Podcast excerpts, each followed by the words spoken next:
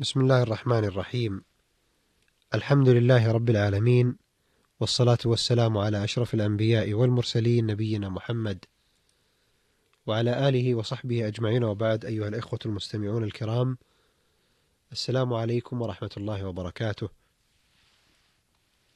وأهلا وسهلا بكم إلى هذا اللقاء الجديد في هذا البرنامج الذي يسعدنا أن نستضيف فيه فضيلة الشيخ الدكتور عبد الكريم بن عبد الله الخضير وفقه الله. فمرحبا به وأهلا وسهلا بكم حياكم الله الشيخ عبد الكريم.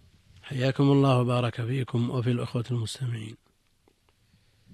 آه، إخوتنا المستمعين الكرام كان الحديث في الحلقتين الماضيتين من فضيلة الشيخ حول آه، المفطرات المجمع عليها والمختلف آه، فيها وقد بسط القول في ذلك وفي هذه اللقاء نود من فضيلته أن يتعرض لما ذكره بعض أهل العلم مما يكره للصائم الشيخ لو بينتم هذه الأمور. الحمد لله رب العالمين صلى الله وسلم وبارك على عبده ورسوله نبينا محمد وعلى آله وصحبه أجمعين.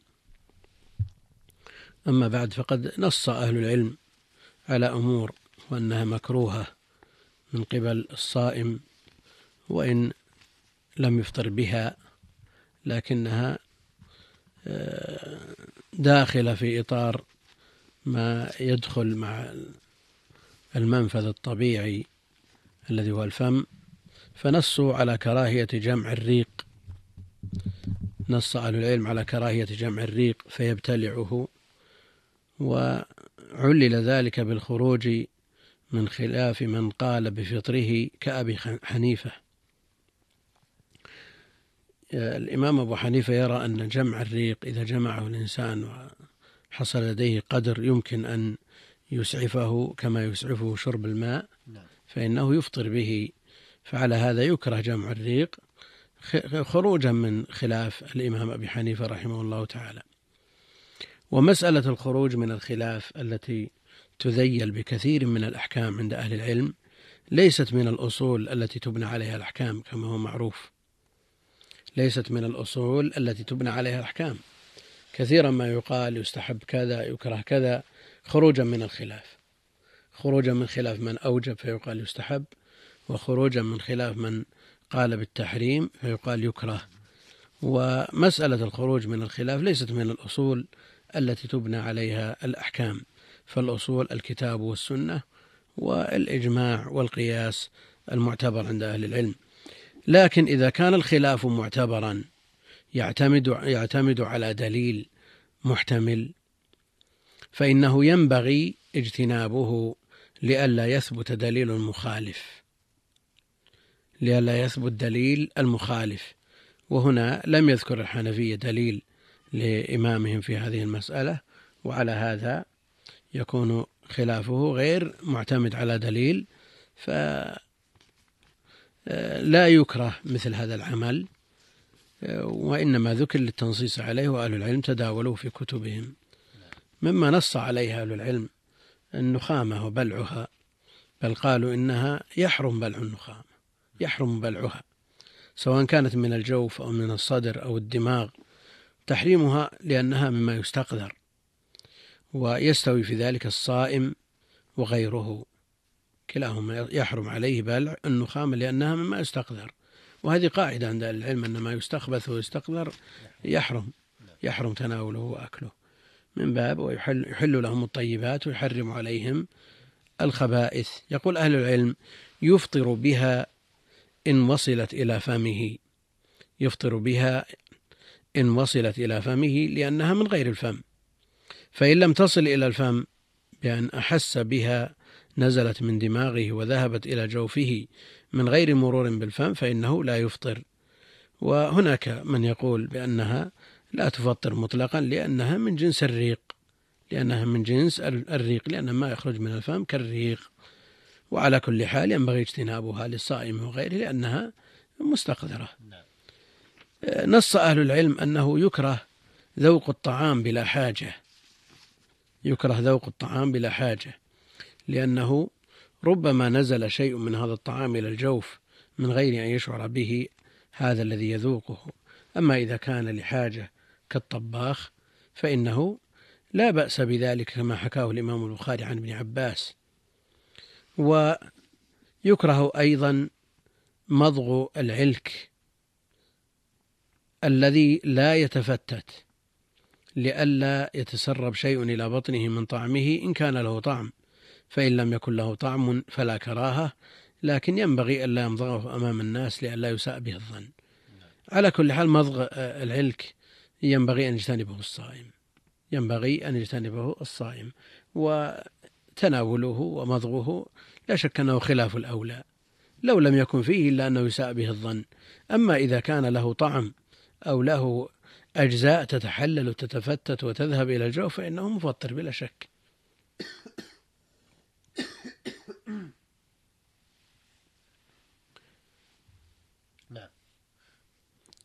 يقول إن شيخ الإسلام آه، رحمه الله تعالى نازع في كون مناط الحكم وصول الطعم إلى الحلق لأن الطعم قد يصل إلى الحلق ولا يبتلع لأنهم يقولون في ذوق الطعام ومضغ العلك إن وجد طعمهما في حلقه أفطر أي ما ذكر من ذوق الطعام والعلك القوي. شيخ الإسلام ينازع في كون مناط الحكم وصول الطعم إلى الحلق. لأن لأن الحلق آه، قد يجتذب ما فيه. العبرة بأن يصل إلى الجوف. آه، أيضا يقول أهل العلم يحرم مضغ العلك المتحلل.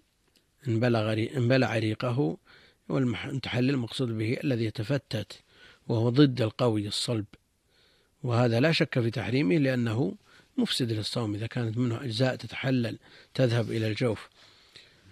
آه، مما ينبغي الاهتمام به والعناية بشأنه بالنسبة للصائم غير ما هو من جنس الأكل والشرب والجماع وما يلتحق بهما مما تقدم ما يتعلق باللسان. ينبغي على على الصائم أن يحفظ جميع الجوارح. يحفظ جميع الجوارح. فيحفظ اليد من أن تعتدي على أحد. يحفظ الرجل من أن تمشي إلى محرم. يحفظ البصر من أن ينظر إلى محرم. يحفظ السمع من أن يسمع إلى محرم. وهذه الأمور محرمة بإطلاق وفي كل وقت لكن يتأكد تحريمها في مثل هذه الأوقات الفاضلة في رمضان بل وفي الأماكن الفاضلة.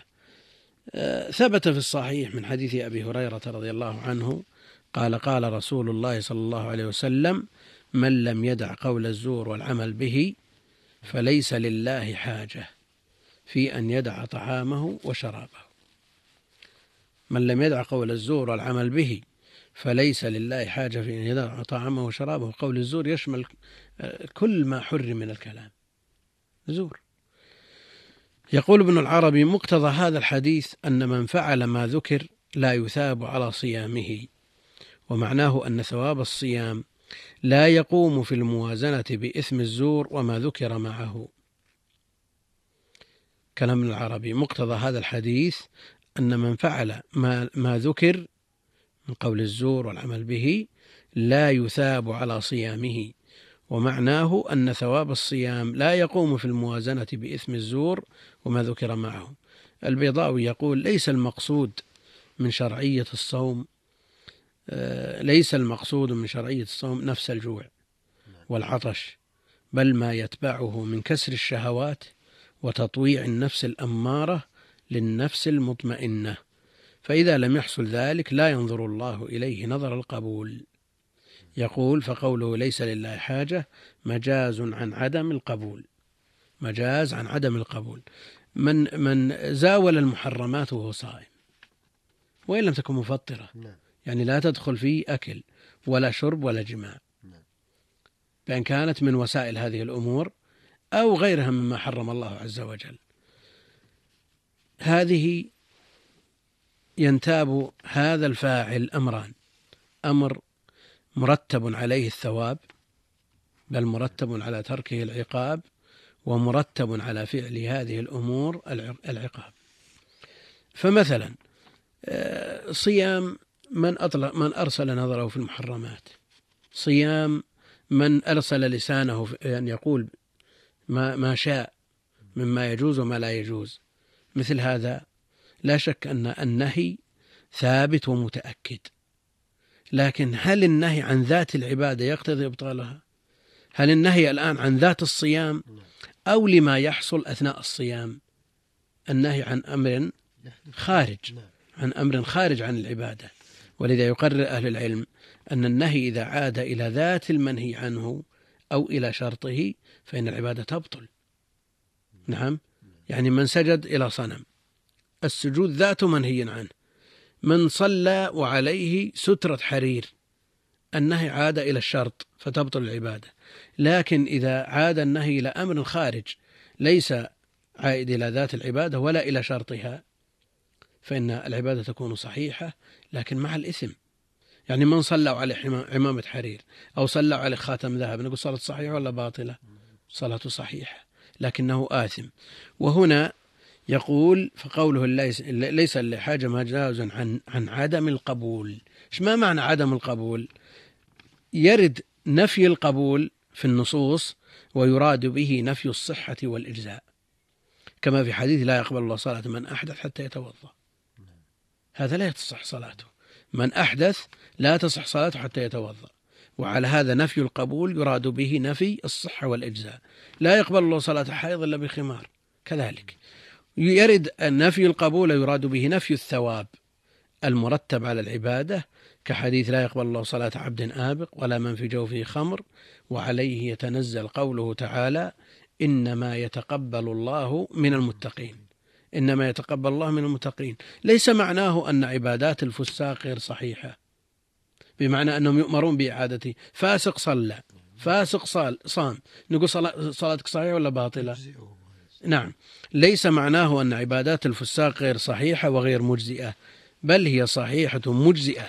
مسقطة للطلب لكن المنفي الثواب المرتب عليها. الثواب المرتب عليها. وهذا مثله. وهذا مثله نعم. الثواب المرتب على الصيام ليس لله حاجة فيه نعم. إذا لا يثيبه عليه وأما كونه مسقط للطلب لا أحد يقول إن وإن كان هناك قول لبعض أهل العلم إن من اغتاب الناس أو كذب أو زاوى المحرم وهذا مقتضى مذهب أهل الظاهر الذين يبطلون العبادات بكل فعل محرم فيها يحصل فيها. ولا شك أن هذه الأمور المذكورة في الحديث من قول الزور والعمل به لا شك أنها تنقص ثواب الصوم. ولو قيل إنها إذا كثرت واسترسل صاحبها أن تذهب بالثواب بالكلية لما بعد. لأن الرسول عليه الصلاة والسلام والحديث الصحيح من لم يدع قول الزور والعمل به فليس لله حاجة في أن يدع طعامه وشرابه. وهنا يكون الشخص لم يطوع نفسه الأمارة للنفس المطمئنة. وحينئذ لا تترتب آثار الصوم عليه. أعظم حكمة للصوم كما تقدم في حلقة مضت هي أنه يورث التقوى. نعم. فإذا زاول المحرمات وهو صائم ما ترتبت آثار الصيام عليه. نعم لأن التقوى فعل المأمورات واجتناب المحظورات والذي لا يجتنب المحظورات لم تتحقق لديه التقوى الذي هي أعظم آثار الصيام كما نص عليه في آية الوجوب وجوب الصيام. أحسن الله إليكم فضيلة الشيخ ونفع بما قلتم. نسأل الله تبارك وتعالى أن يحفظ لنا صيامنا وأن يتقبل منا وألا يكلنا إلى أنفسنا إنه سميع مجيب. ونسأله برحمته آه، القبول لنا ولإخواننا المسلمين. آه، أيها الإخوة المستمعون الكرام بهذا نصل إلى ختام هذه الحلقة. نتقدم في ختامها بالشكر الجزيل لفضيلة الشيخ الدكتور عبد الكريم بن عبد الله الخضير. وفقه الله. آه، نلقاكم بإذن الله تعالى في حلقة مقبلة مستمعينا الكرام. دمتم بخير والسلام عليكم ورحمة الله وبركاته.